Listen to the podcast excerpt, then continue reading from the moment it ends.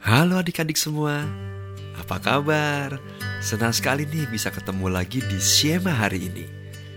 Semoga kalian semua dalam keadaan sehat ya.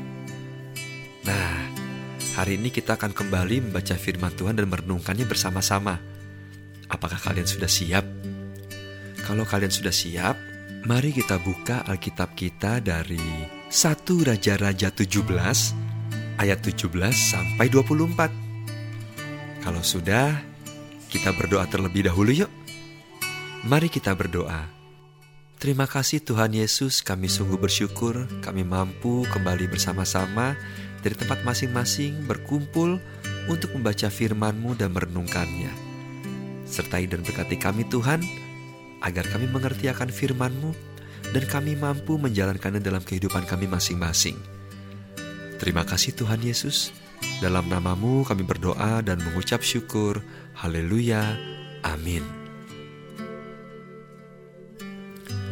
Renungan hari ini berjudul Belas Kasih yang Mengabulkan Doa.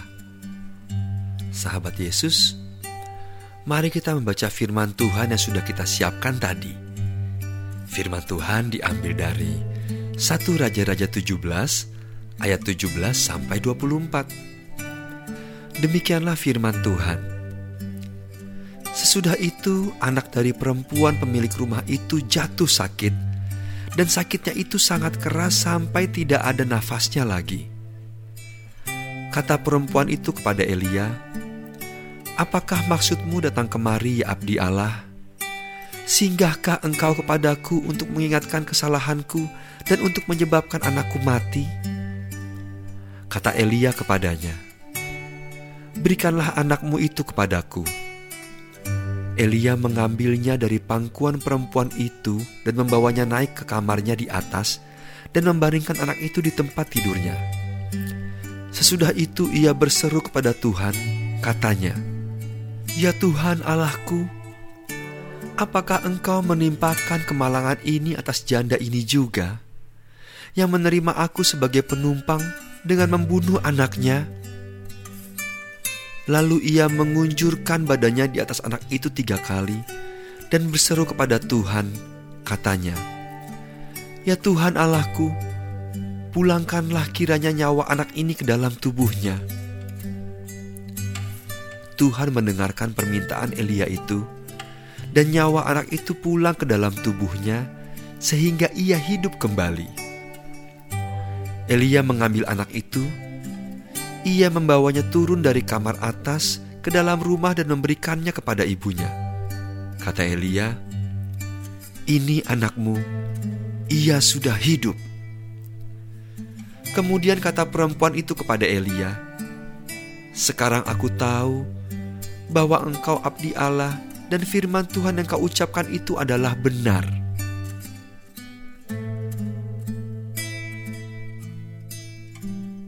Bulan dan bintang terpaksa berhujan-hujanan sepulang dari kebaktian anak-anak di rumah Jessica. Mereka menemukan anak kucing yang meringkuk di bawah pohon, kedinginan dan hampir mati. Bulan memungut dan menggendong anak kucing itu pulang. Setelah mengeringkan diri dan berganti pakaian, Bulan dan Bintang mengurus kucing itu. Mereka mengeringkan kucing itu dengan handuk serta menghangatkannya dengan selimut supaya tidak kedinginan. Mereka memberinya minum susu hangat. Mereka melakukannya dengan sungguh-sungguh dan penuh pengharapan bahwa anak kucing itu masih bisa diselamatkan. Bulan dan bintang terus berdoa, memohon belas kasihan Tuhan supaya anak kucing itu bisa pulih. Perawatan yang baik dari bulan dan bintang dan campur tangan Tuhan membuat kucing itu perlahan-lahan membuka mata dan mulai mengeong dengan suara lemahnya. Ia hidup. Bulan dan bintang sangat bersuka cita karena upaya dan doa mereka membuahkan hasil. Mereka bersyukur kepada Tuhan karena belas kasih Tuhan sehingga anak kucing itu boleh hidup kembali bulan dan bintang berdoa mengucap syukur pada Tuhan yang telah mengabulkan doa mereka. Sahabat Yesus, Dari kisah ini kita belajar bahwa kita harus bergantung sepenuhnya pada Tuhan karena segala hal baik yang kita dapatkan itu semua adalah dari anugerah Tuhan, bukan karena kuat atau hebatnya kita. Oleh karena itu, sahabat Yesus, kita harus selalu memiliki iman yang teguh. Sahabat Yesus, ayo kita ucapkan kata-kata ini. Aku bersyukur kepada Tuhan yang mendengarkan dan mengabulkan doaku. Sekali lagi, aku bersyukur kepada Tuhan yang mendengarkan dan mengabulkan doaku. Mari kita berdoa. Bapa kami yang di surga, kami menaikkan syukur atas kebaikan dan pemeliharaan Tuhan. Engkau selalu mendengarkan dan mengabulkan doa kami. Terima kasih Tuhan.